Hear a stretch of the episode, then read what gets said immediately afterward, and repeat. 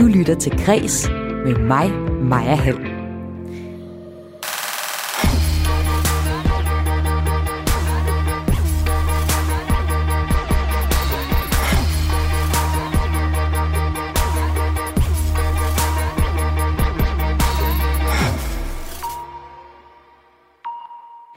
Skal biograferne gentænkes efter corona?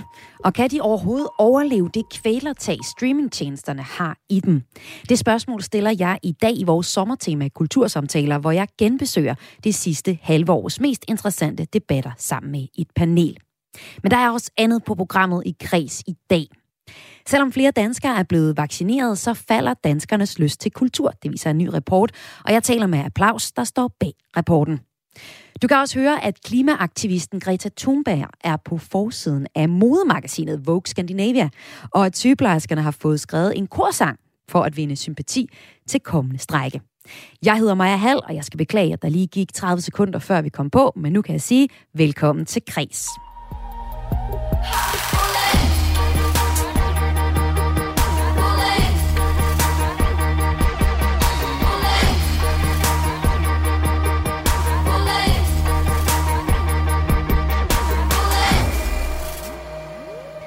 Coronakrisen har været rigtig hård for enormt mange i kulturbranchen. Men særligt biograferne har kæmpet med nedlukning og med afstandskrav. De har simpelthen ikke kunne fylde deres biografsale.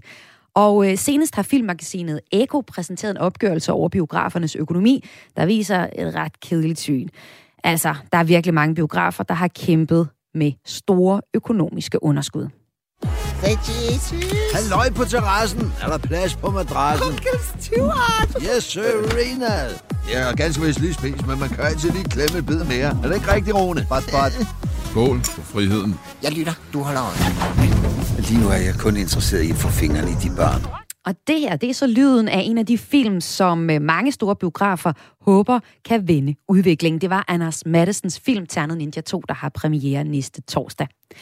Kigger vi så lidt ned i tallene, så er landets største biografkæde Nordisk Film biografer gået fra et overskud på 45.557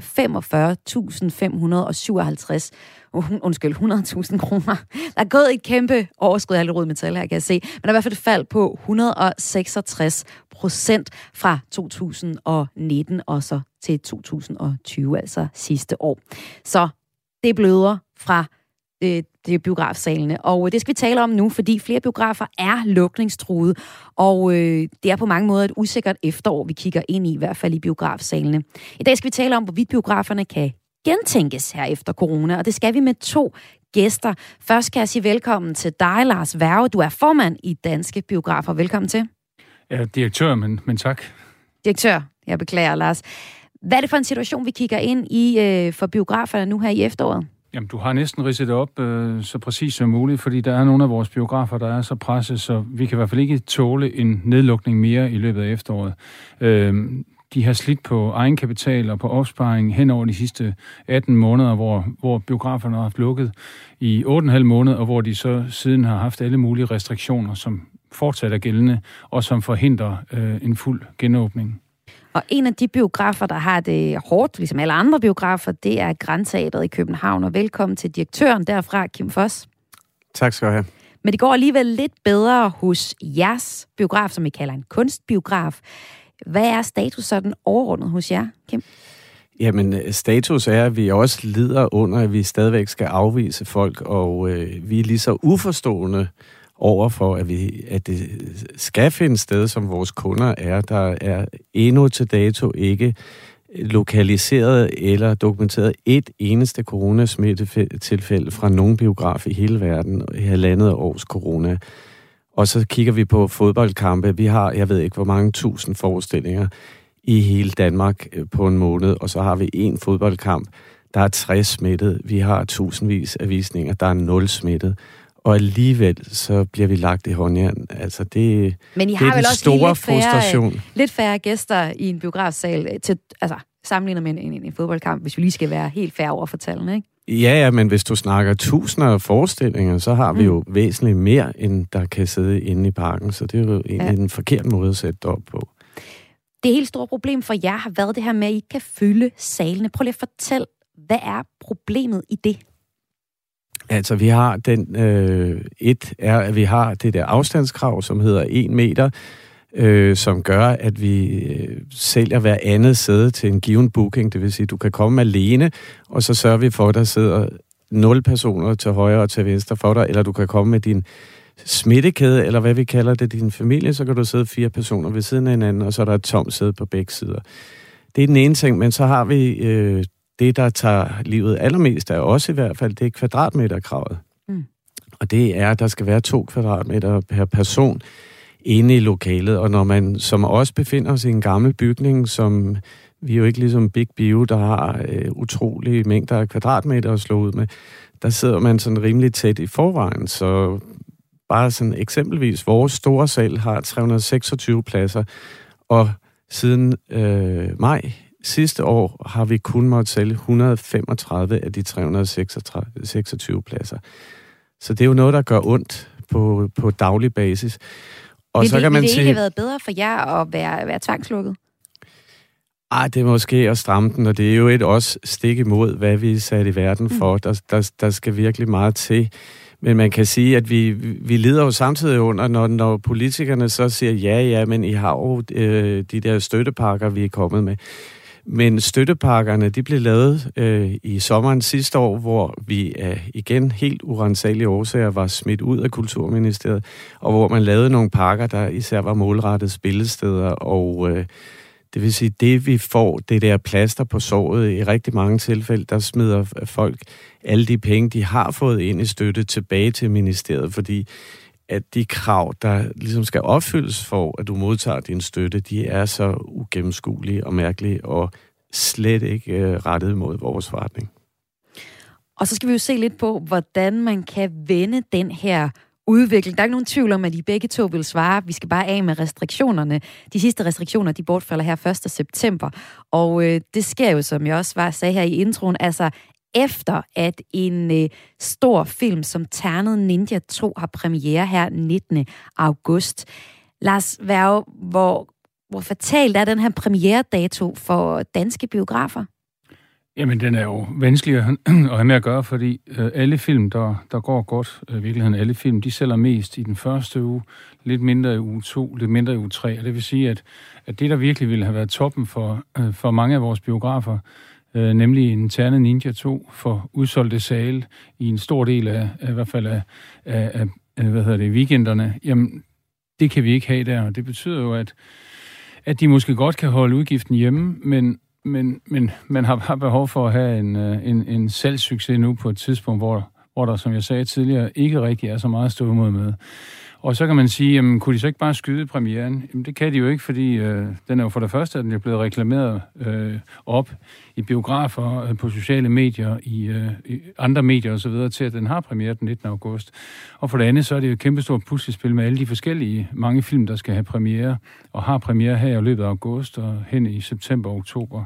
Så, så derfor ligger den fast til den 19. august, og det er i virkeligheden også med den som udgangspunkt, at vi siger, kunne vi ikke bare flytte den øh, ophævelse af, af de restriktioner, mm. som skal ske den 1. september frem til for eksempel på mandag? Ligesom vi har set med, med fodboldkampene, at vi fik ophævet nogle restriktioner op til, til nogle kampe. Der kunne man ja, godt se det igen. Det, det, det skete før tid, og det, det er klart, det, det synes vi jo. Vi sidder jo ikke i en biograf. Det er meget, meget sjældent, man oplever, at der bliver fyret romerløs her og sunget slagsange mm. i en biografsal. Det er faktisk et ret fredeligt publikum, vi har der, som sidder og kigger i samme retning. Ja. Og dermed understreger det også Kim Fosses pointe, at der er meget lidt smitterisiko i en biografsal. Og grunden til, at vi tager det her eksempel med Ternet Ninja frem, så er det fordi, da etteren kom, Anders Mattesens øh, film kom øh, i første omgang, så var det en af dem, der trak allerflest billetter i nyere tid i de helt store biografer. Men øh, jeg skal jo også lige høre dig, Kim Foss, fordi Grandteateret er en, en kunstbiograf. I sælger også øh, store film, men I har også et, et niche-publikum, som I øh, skal behage, kan man sige. Er øh, Ternet Ninja vel ikke en film, som der skulle redde jeres røv, så hvad skal der til for at vende udviklingen for jer? Jamen, det er det samme, der gør sig gældende. Når jeg ligesom øh, gerne taler for Ternet Ninja, så er det ikke, fordi vi skal vise den. Det skal vi faktisk ikke. Den er lidt off i forhold til vores profil. Mm. Men situationen er den samme øh, for os som alle andre, fordi vi er stadigvæk lagt i benlås. Og øh, når Lars siger, at premieredatoen er lagt, så vil jeg da sige, at de mennesker, som har lagt premieredatoen, de havde aldrig nogensinde forestillet sig, at man åbnede et helt samfund op, og så fastholdt biograferne i den situation, biograferne er i nu. Mm. Så de har jo været, øh, vil jeg sige, øh, almindelig godt begavet og, og, og truffet nogle beslutninger, der afspejlet den virkelighed, vi kigger på.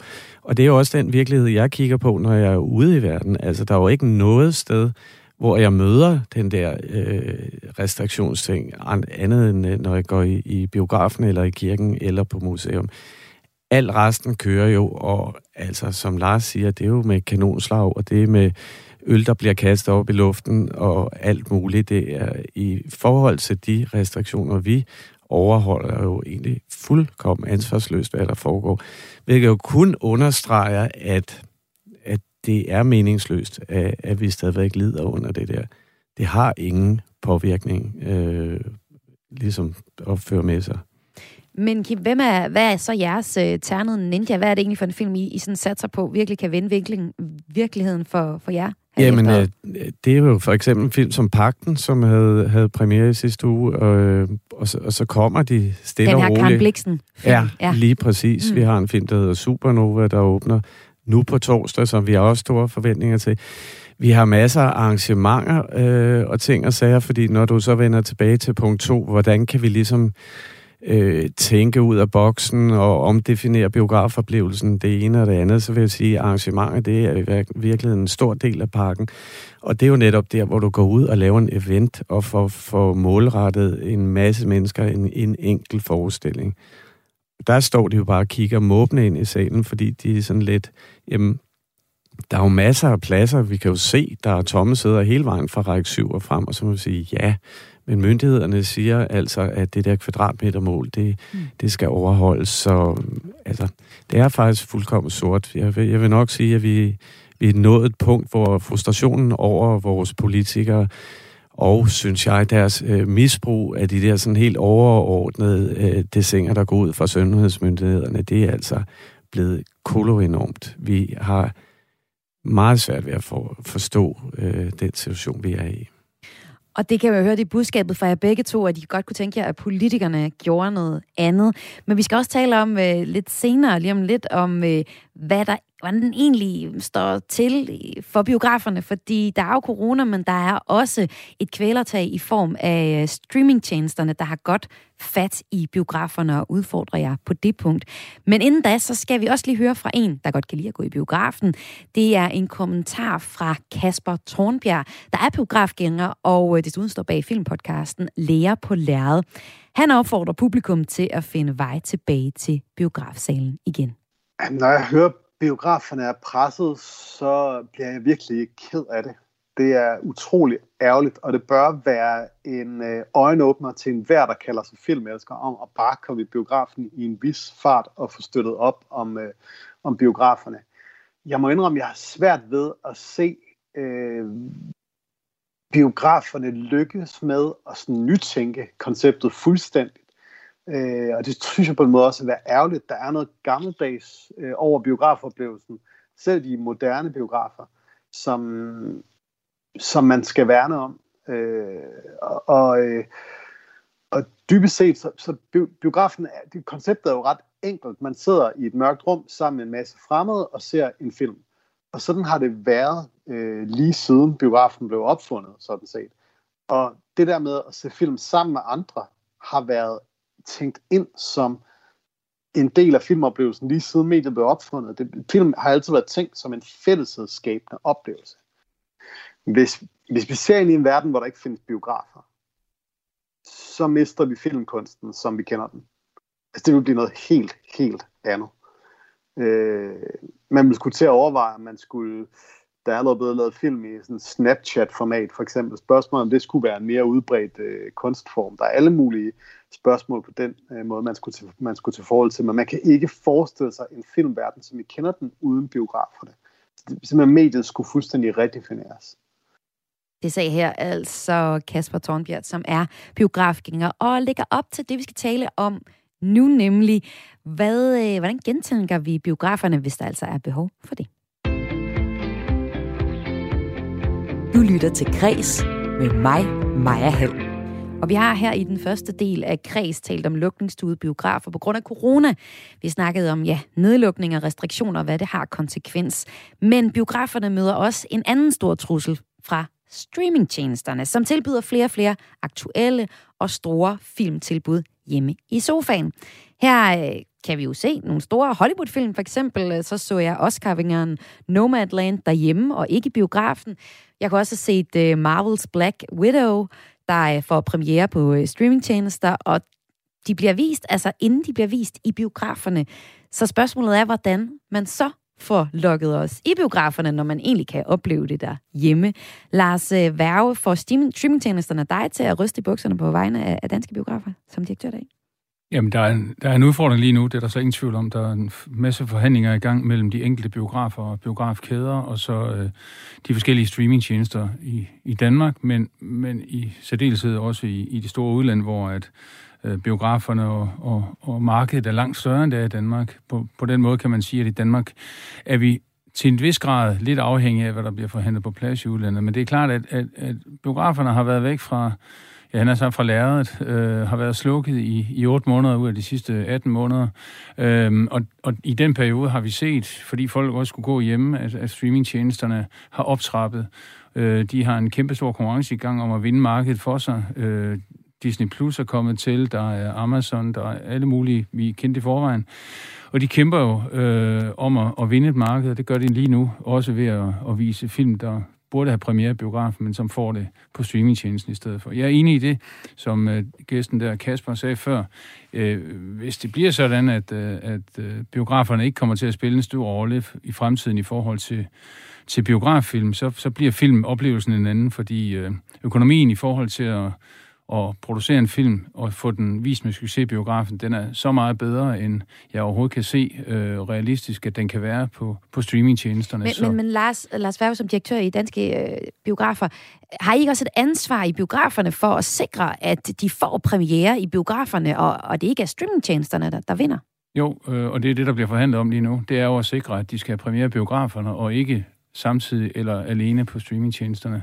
Og den di- diskussion, det er altså, det er ikke mig, det er øh, biograferne mm. selv, der må svare på det, for jeg sidder ikke med i forhandlingerne, det må jeg heller ikke. Men jeg kan jo se, at, at, at hvis der ikke skal være en eksklusiv periode, hvor filmen er forbeholdt biografen, så forsvinder en del af det økonomiske grundlag, i hvert fald som vi kender det i Danmark, for de danske film. Øh, og det samme tror jeg gør sig gældende for de store udenlandske. Indtjeningen ved at vise en film i biografen med succes er meget, meget stor for producenter og distributører og, og Kim Foss øh, som en med en øh, mindre biograf. Øh, men hvordan gør man sig til over for, for filmdistributørerne og ved at så sige, at vi skal have den eksklusivt øh, i vores biograf?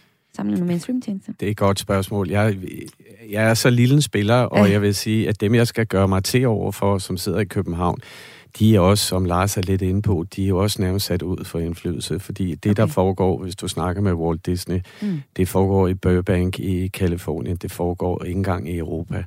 Så, så det er vanskeligt, og jeg vil sige, vi, vi, vi sidder jo eksempelvis Nomadland, som du har set derhjemme. Mm.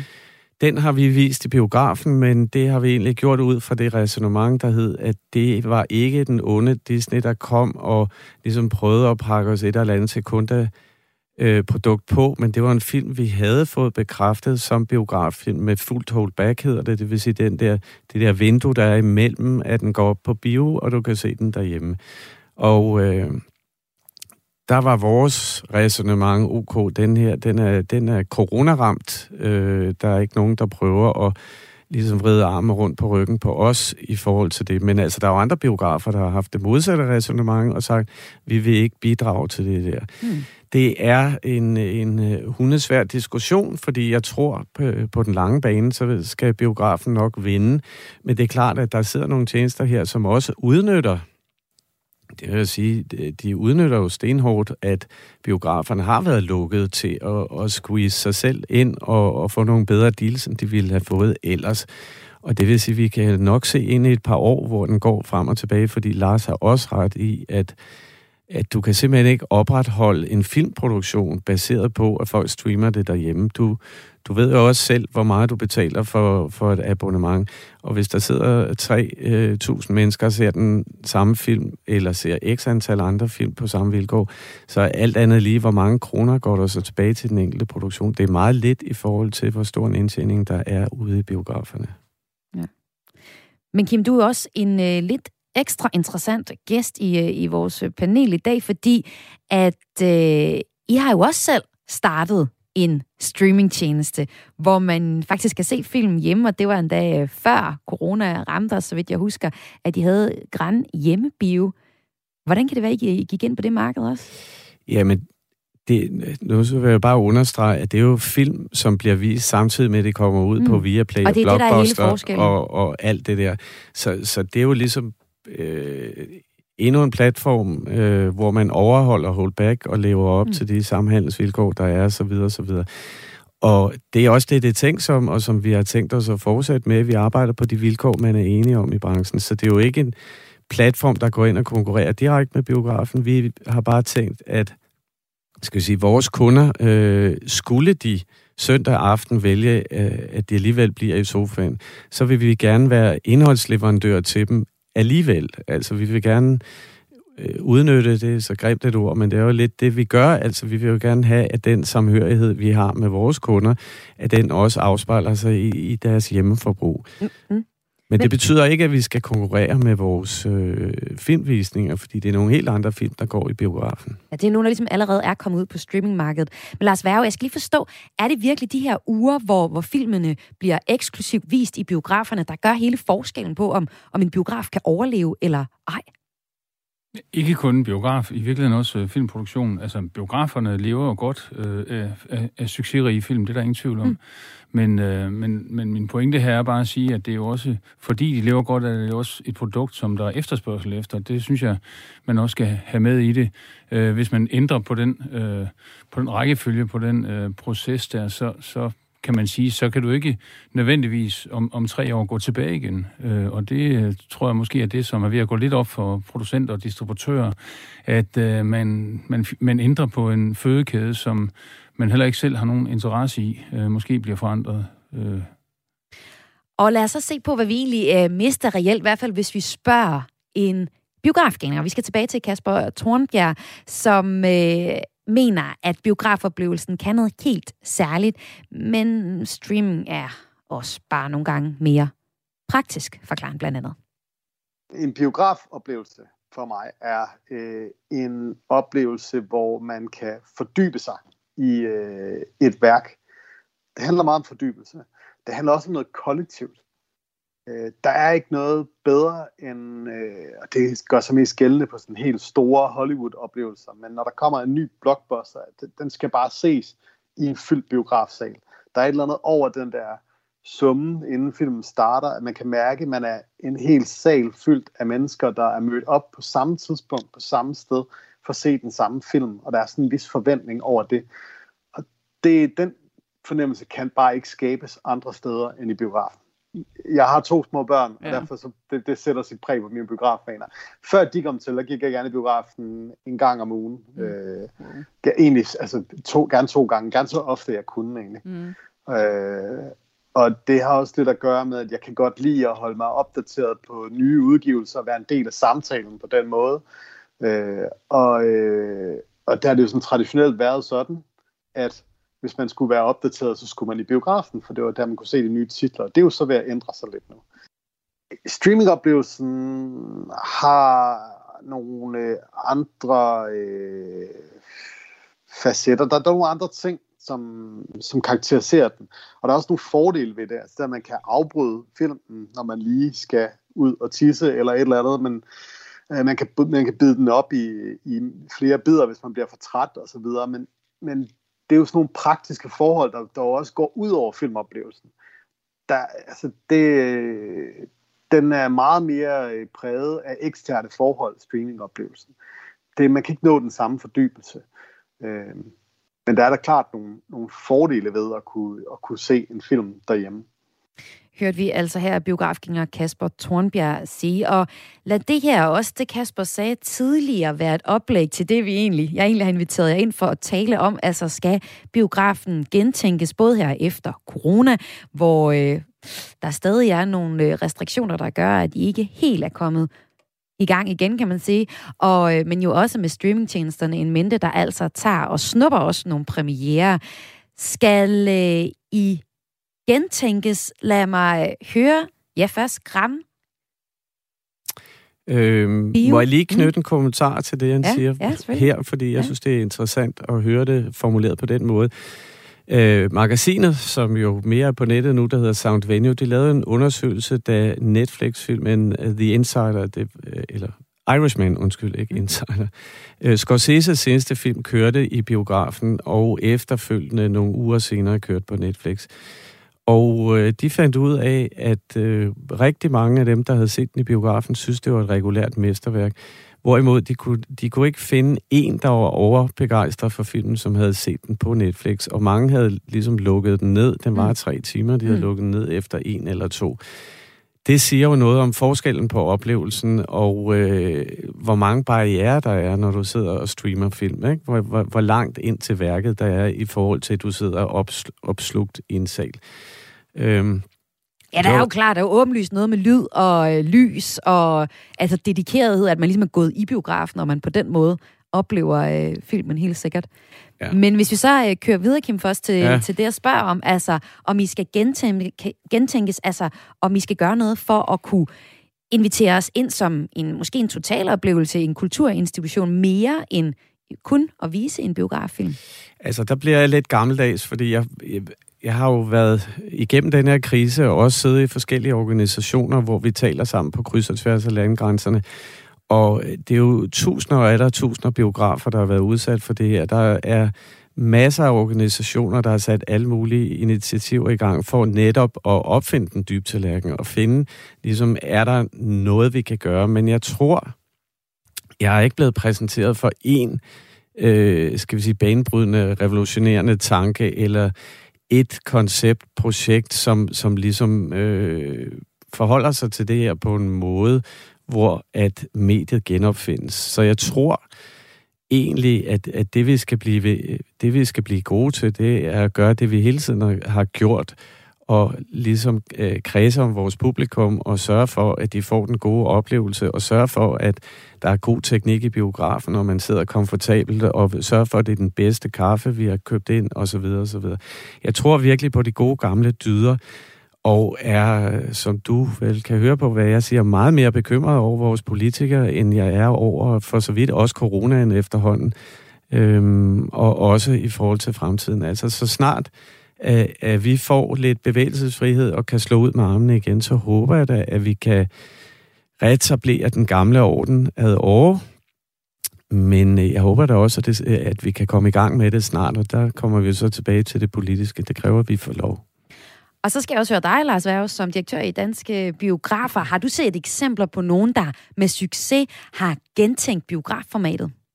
Ikke selve formatet. Det minder jo i virkeligheden i slående grad om, det, om den øh, måde, man gik i biografen Mm. mm. på øh, før Første Verdenskrig. Og vi hørte lige her Snapchat-filmvisning oh, jo. tidligere. Ja, men, Det er for langt ud til dig, ja. Jamen, jamen, det er ikke noget med min personlige smag at gøre, Mm. mm. men det er jo ikke noget, der slår igennem. Og det, det er også der, hvor man skal, jeg tror, man skal sondre. Når Mm. du siger succes, måler vi så ud i, hvor mange øh, tusindvis eller millioner af, af gæster ser filmen i biografen, Ja. eller er det en kunstnerisk succes, er det en succes, der ligesom trækker det i en ny retning. Der er jeg ikke endnu sådan umiddelbart set noget. Jeg vil sige, øh, der er jo ingen tvivl om, at for os er der jo ikke nogen modsætning imellem det at streame og det at gå i biografen. Forstået på den måde, at der var formentlig ingen i Danmark, der ikke streamer ind imellem efterhånden, eller i hvert fald ikke ser film andre steder end i biografen. Det er ikke sådan, at vi siger, at vi, vi vil faktisk kun have de gæster, der kun går i biografen. Mm. Det er jo slet ikke sådan, det forholder sig. Det, det handler om at sige, at der skal være en eller anden form for dualitet imellem det, øh, hvor man måske kan sammenligne det at se en, øh, en, øh, en film på streaming med at gå og høre radio, mens man måske går og laver nogle andre ting i køkkenet eller noget andet. Men i det øjeblik, at du sætter dig ind i biografen, jamen, så har du den fokuserede oplevelse, der også gør, som, som Kim Foss også nævnte det eksempel med The Irishman, jamen så får du også en anden vurdering af det.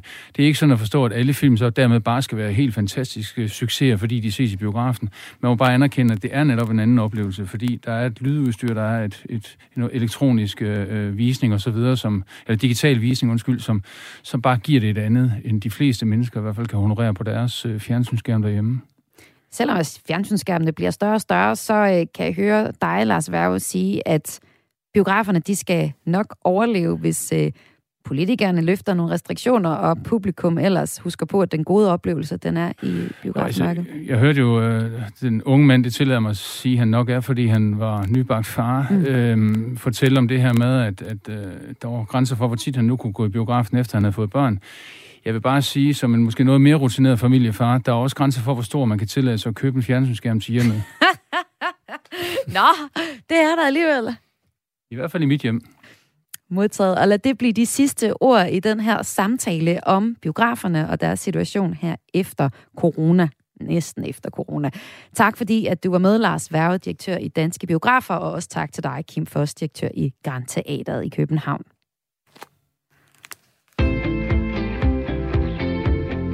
Du lytter til Græs med mig, Maja Hall. Og vi øh, snupper lige et øh, stykke med musik, og øh, det gør vi inden resten af programmet her kommer til at fokusere på de nyheder og perspektiverende nyheder, der er interessant for netop kulturen i dag. Eyed Girl, det er en dansker. Hun øh, har snuppet sit navn fra et 2000-årligt gammel hollandsk moselig.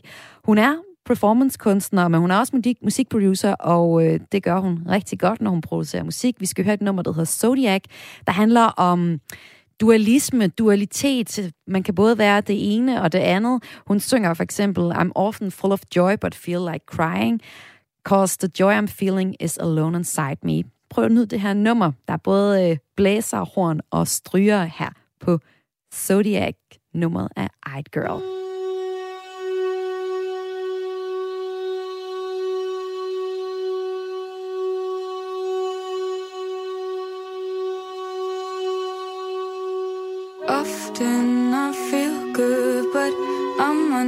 To it, so I end up burying in my own happiness. Often I'm moody, but the mood is BF. So I just spend time with it. Often I'm full of joy, but feel like crying. Cause the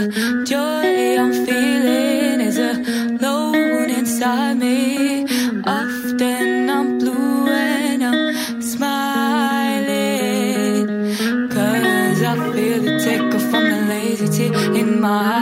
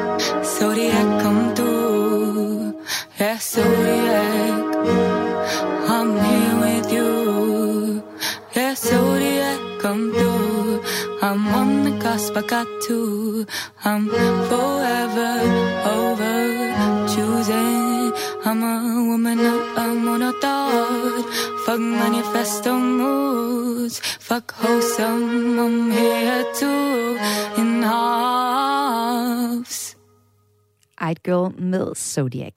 Og den sidste del af programmet, så er det nyheder og perspektiver fra kulturen i dag. Og jeg starter med tre korte kulturnyheder. Det er sådan i øh, morgen, der starter modeugen i København, og det er hovedstadens anden modeuge, årets første i februar. Og klima og bæredygtighed, det kommer med garanti til at blive præsenteret og fremhævet. Altså bare på vej på arbejde, der mødte jeg det aarhusianske sneaker-brand Wooden, eller en derfra, der laver fiskeskins sko. Altså det ligner helt almindelige sko, men de har ligesom brugt fiskeskin for at være bæredygtige. Og det er en god idé, og dem er der mange af, og de vil blive garanteret blive øh, fremvist på mode øh, i modeugen her, og der vil helt sikkert så også være en masse greenwashing. Altså, hvor virksomheder hævder at være bæredygtige, uden rigtig at gøre noget.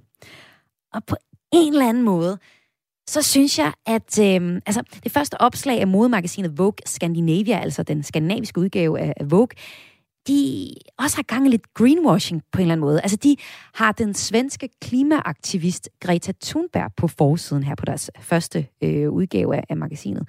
Øhm, og selvom den 18-årige øh, altså, ja, klimaaktivist er hun ifølge Ritzau øh, i forsidartiklen, kritiserer modebranchen, og hun advarer for eksempel om, at kampagner, hvor tøj- og modevirksomheder, altså de bruger store summer på at præsentere sig selv som blandt andet bæredygtige, klimaneutrale og det er de slet ikke. Altså, det er greenwashing. Selvom hun egentlig siger det, og selvom det tøj, hun har på, det er lavet af bæredygtige genbrugsmaterialer, så laver det jo ikke om på, at det er et modemagasin der promoverer tøj og mode. Og hvis jeg kigger på hjemmesiden, så er der for eksempel en øh, artikel med chefdirektøren øh, Martina Bonnier, der har en ultimativ pakkeliste til modeugen, hvor hun guider til nyt tøj, rullekufferter og, og solbriller. Så der er sådan et eller andet mystisk i, og så stadig har Thunberg på forsiden.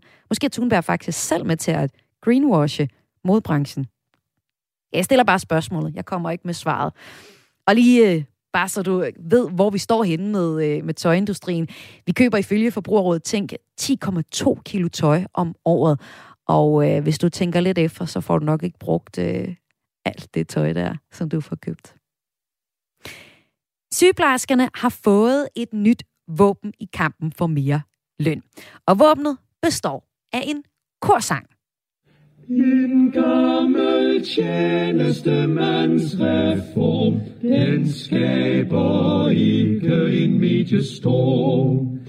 Nej, vil I have folkets sympati, så må I droppe det klinkeri.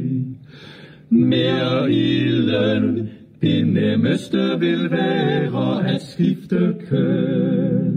Øhm, ja, så lyder det fra satirgruppen Magt, der her i dag udgiver en sang om sygeplejerskernes strejke. Det har altså ikke noget at gøre med modeuden at gøre det her. Det er simpelthen en sang, som den her gruppe har skrevet, og det har de gjort for Dansk Sygeplejeråd, der nu har købt rettighederne til sangen. Det skriver politikken, der har talt med kommunikationschef Morten Jacobsen fra Dansk Sygeplejeråd. Sangen, der hedder Sygeplejersken, er, er skrevet efter, at øh, den sygeplejeråd altså har bedt satirgruppen om at lave et kreativt indslag, som så kan bruges øh, lørdag den 14. august, hvor sygeplejersker fra hele landet har varslet en demonstration foran øh, Christiansborg. Og det her, det var altså lige lidt af sangen. De håber selv, altså den sygeplejeråd, at det kan være et underholdende indslag for demonstrationen, og så håber de jo også lidt, at den kan blive spredt på sociale medier. Måske kan den løfte det hele en lille smule ekstra. Og det er virkelig en underholdende sang, som jeg vil opfordre dig til at høre. Men jeg er ikke sikker på, at øh, budskabet kommer til at stå så meget klarere, efter øh, at de har skrevet en lejlighedssang. Men vi må se. Den tredje korte nyhed, jeg har med nu, det er, handler om øh, chokoladeproducenten Snickers. De beklager en homofobisk reklame. Det skriver Berlingske, der har historien fra CNN. Og øh, Snickers, de har jo den her, øh, måske har du i hvert fald set øh, deres reklamer i Danmark, så har de det der tagline, der hedder, du er ikke dig selv, når du er sulten. Og den har de egentlig brugt i mere end 10 år som slogan i deres reklamer. Og alle deres reklamer følger sådan lidt det samme plot. Nogen er ikke rigtig sig selv, så spiser de chokoladebar og har det pludselig meget bedre. Og de har faktisk gjort det ret godt med de her reklamer. De har været nomineret til en Emmy i, øh, kategorien fremragende reklame. Så på den måde er den jo ideen jo egentlig god nok. Men det er jo lige, hvordan og hvorledes den bliver tvistet. Fordi en spansk udgave af reklamen er blevet mødt med et løftet øjenbryn og rimelig stor vrede på sociale medier. Her hører vi lidt spansk i baggrunden. Og det øh, reklamen viser, det er en, øh, en spansk influencer, der er en mand, men så er han klædt ud som en øh, kvinde med langt hår, lyserød t-shirt og en flirtende mine, og så bestiller han her. Caricias around the world. Anda, toma un helado sneakers. Mejor. Ja, han bestiller et glas sexy appelsinjuice med vitamin A, B og C, kram og kys og kærtegn. Og det gør han på en strandbar. Og så i stedet for at få appelsinjuicen, så rækker tjeneren ham en is af mærket Snickers. Og øh, den tager han så en bid af og forvandles med et til en skægget mand med dyb stemme. Og hans ven spørger så, har du fået det bedre? Og han svarer, det har jeg. Og så ser vi ligesom med sloganet, du er ikke dig selv, når du er sulten.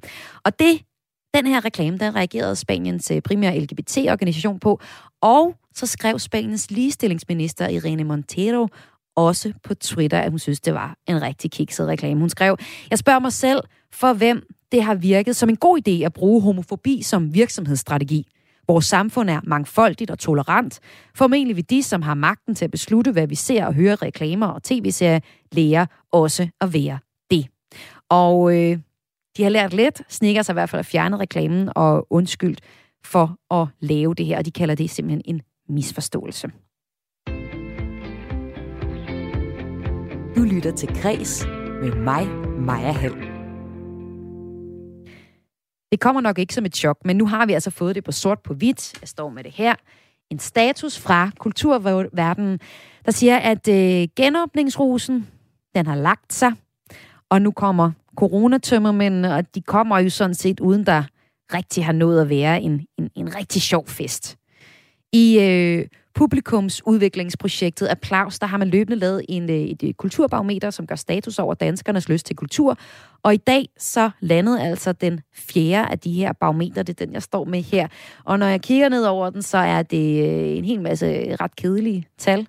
Det er en nedslående læsning. Status er, at danskerne er temmelig sløve til at bruge kulturlivet, selvom mange har fået vaccinationer og jo altså ikke skal ned og, og stikkes, op, øh, stikkes i næsen for at, at få lov til at gå i biografen eller i teateret.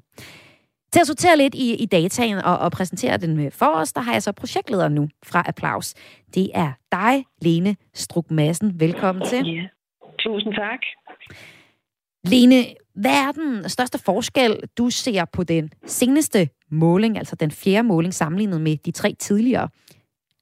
Jamen altså, du har jo egentlig ridset det rigtig, rigtig fint op. Altså man kan sige, da vi startede de her målinger i foråret, lige da kulturlivet åbnede, der kunne vi se en optimisme og en lyst og en tryghed. Altså vi kunne virkelig mærke, hvordan at borgerne havde siddet derhjemme og været lukket inde i rigtig lang tid og virkelig var, var, var klar til at komme på græs og ud og, og opleve noget kunst og kultur.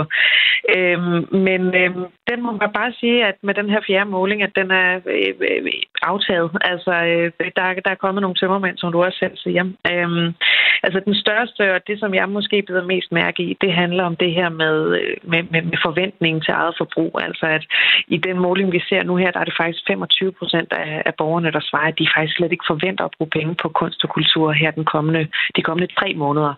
Og det er en stigning med 5 procent. Og det synes jeg er, er, er mærkbart, og det er jo særligt øh, øh, kritisk for mange kulturinstitutioner, som lige nu er i gang med at altså, øh, starte nye sæsoner op. Teatrene er vendt tilbage fra sommerferie og er i gang med sådan virkelig at sætte gang i et billetsalg, og det samme er spillestederne osv. Så, videre. så det er jo ikke opløftende nyheder for dem i hvert fald. Men Lene, kan det ikke også hænge sammen med, at, at de sidste restriktioner ikke er blevet løftet? Nu har jeg i den første halvdel af programmet talt med biograferne, der er svært mm. sure over, at øh, de ikke må åbne for fuld, øh, fulde huse til, i deres biografsale. Så, så kan der ikke også være lidt at hente der, Lene? Jo, det kunne man måske godt sige, men altså, nu har vi faktisk spurgt lidt ind i forhold til museerne, fordi vi har set, hvordan øh, særligt museer og, og, og også festivaler har, har kæmpet med at få folk øh, i øh, altså få, få folk ind øh, her øh, både altså i, i løbet af sommer, øh, foråret, men også i løbet af sommeren. Øh, så der har vi spurgt lidt længere ind, så det er så specifikt på museumsområdet, vi har spurgt der om, om netop coronapas og restriktioner osv. Var, var, var barriere. Og det kan vi bare se, det har det faktisk ikke rigtig været. Øh, så, så, så jo, jeg tror, der er noget at hente, jeg- men jeg tror, det er en generel... Øh, Altså, at vi, at vi måske bare som borgere har, øhm, har været lukket inde rigtig lang tid. Der er rigtig mange andre ting på spil, som vi også skal. Mm. Øh, arrangementer, der er blevet rykket og alt muligt andet.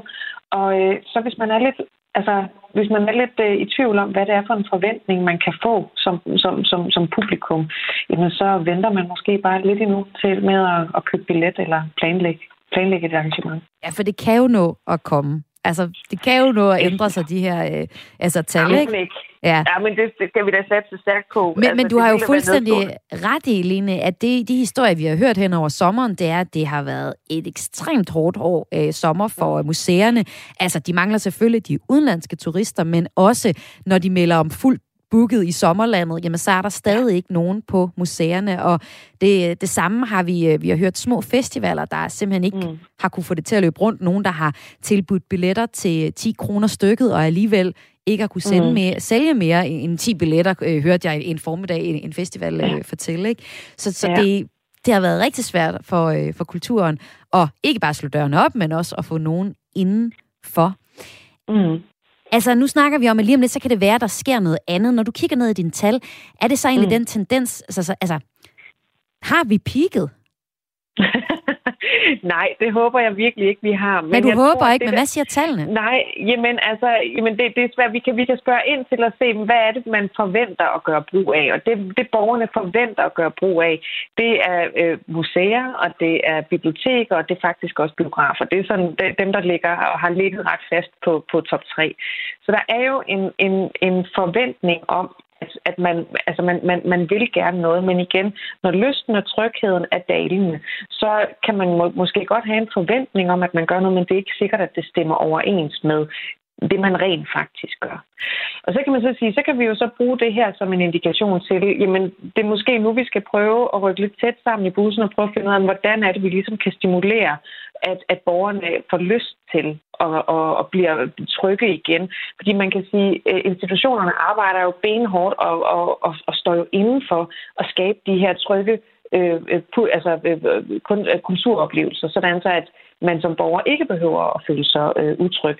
Men er der andet, vi kan gøre? Skal vi prøve at kigge i andre retninger? Det er jo det, som, som, som de her tal ligesom indikerer, at det kunne være, at man skulle prøve at sætte sig ned på tværs, og også i samarbejde med, med, med ordførerne og, og ja, politikerne, og se, hvordan er det, vi på en eller anden måde kan, kan, kan, kan sikre øh, både institutioner, men ikke mindst, altså vi som borgere øh, kan gå ud og opleve noget kunst og kultur. Det tror jeg er vigtigt for os.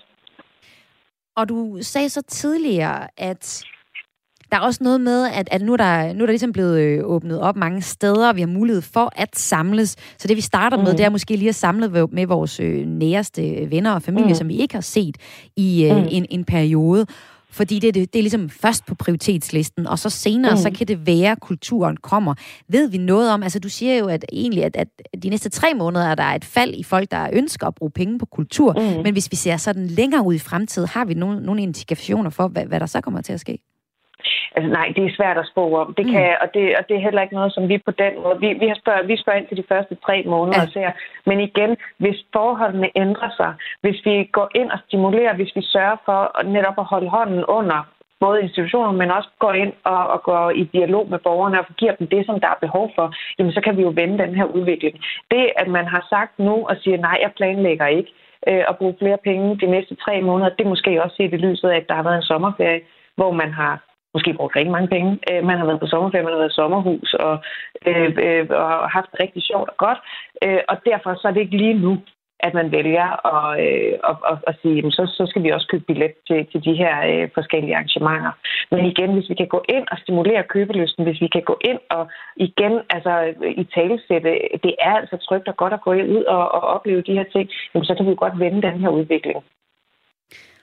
Og øh, det er jo så, du, du siger, at vi kan godt vælge den her udvikling, men hvis, hvis vi nu skal lige til allersidst uh, interviewet med det her, øh, kan, kan trække et par, et, par, et par positive tal frem. Altså, Mhm. mm-hmm. er der nogle tal, der indikerer, at der faktisk er kommet noget godt ud af coronanedlukningerne? Øh, jamen, altså man kan sige, vi, vi, lavede, vi har lavet forskellige målinger i løbet af det sidste år, og overordnet set, så kan vi se, at kulturen har fået større betydning for borgerne. Altså øh, særligt, da vi alle sammen sad lukket inde. Øh, og øh, jeg taler i hvert fald øh, for mig selv, men jeg tror også, at der er flere andre, der kan genkende det. Men det der med, at man havde ligesom altså, oplevet alt, hvad der var at opleve på en skærm, og man var ved at være have nået et mæthedspunkt. Kan man ikke sige det på den måde, mm. på en pæn måde? Øhm, og, og der kan vi se, at altså, kulturen har fået større betydning øh, for borgerne her under corona. Øh, men Så igen, kulturen i sig selv har større betydning, men det er lige med ja. at gå ud og bruge den. Præcis, og det skal vi jo som institutioner og som brancheorganisationer og alt muligt, altså der, det, er jo, det er jo et samlet samarbejde, og også i samarbejde med kommuner og med, med politikere, jamen, hvordan er det, vi sikrer øh, de rigtige forhold, sådan så borgerne også et føler sig trygge og kan se, det her det er der noget, jeg skal. Det har jeg da mega meget lyst til, mm. fordi det er i øjenhøjde, og det taler ind i den virkelighed, jeg er i. Det kan jeg ikke gå glip af, så det må jeg gøre. Lene Struk Madsen fra Applaus, Mhm. mm-hmm. tak fordi du var med kredsen. Jamen ved du hvad, det var en øh, fornøjelse, og tak fordi jeg måtte. Og det var altså, øh, ja, vi havde Lene med til at kaste et lys over en status i et pt. coronaramt kulturliv, som, ja, det var en lidt en øvemåling, men det kan stadig nå at ændre sig, måske. Og øh, måske skulle vi så bare lige slutte programmet med lidt godt. Og, øh, og det er jo egentlig en trist nyhed, der gør, at jeg nu vil spille Cool and the Gang. Det handler om, at øh, Cool and the Gangs medstifter er død. Det er saxofonisten Dennis Thomas. Han er sovet stillet ind, men han var altså også 70 år gammel, så på den måde så vil jeg ikke øh, sige det, det altså, livet går, og livet stopper, det er vel det eneste, vi ved, ikke? Og vi slutter i dag kreds med Get Down On It, altså med Cool and the Gang. Det var alt fra kreds i den her omgang. Mit navn er Maja Hall, og til at tilrettelægge det her program, der har jeg Mathias Wissing og Lene Grønborg Poulsen. Hvis du kunne tænke dig at komme i kontakt med Kreds, så kan du altid sende en mail til kreds radio4.dk, og det er k r a i s radio4.dk.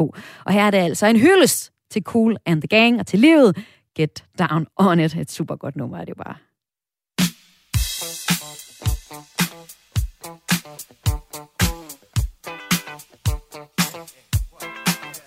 Oh, what's he gonna do? You wanna get down? Oh, what you gonna do? Do you wanna get down? Oh, what you gonna do? You wanna get down? Oh, what you gonna do? You wanna get down?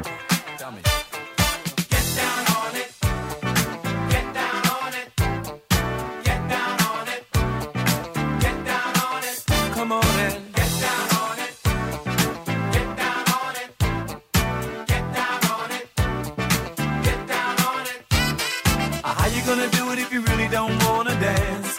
By standing on the wall. Get your back up off the wall. Tell me. How you gonna do it if you really don't wanna dance? By standing on the wall. Get your back up off the wall. 'Cause I heard all the people saying,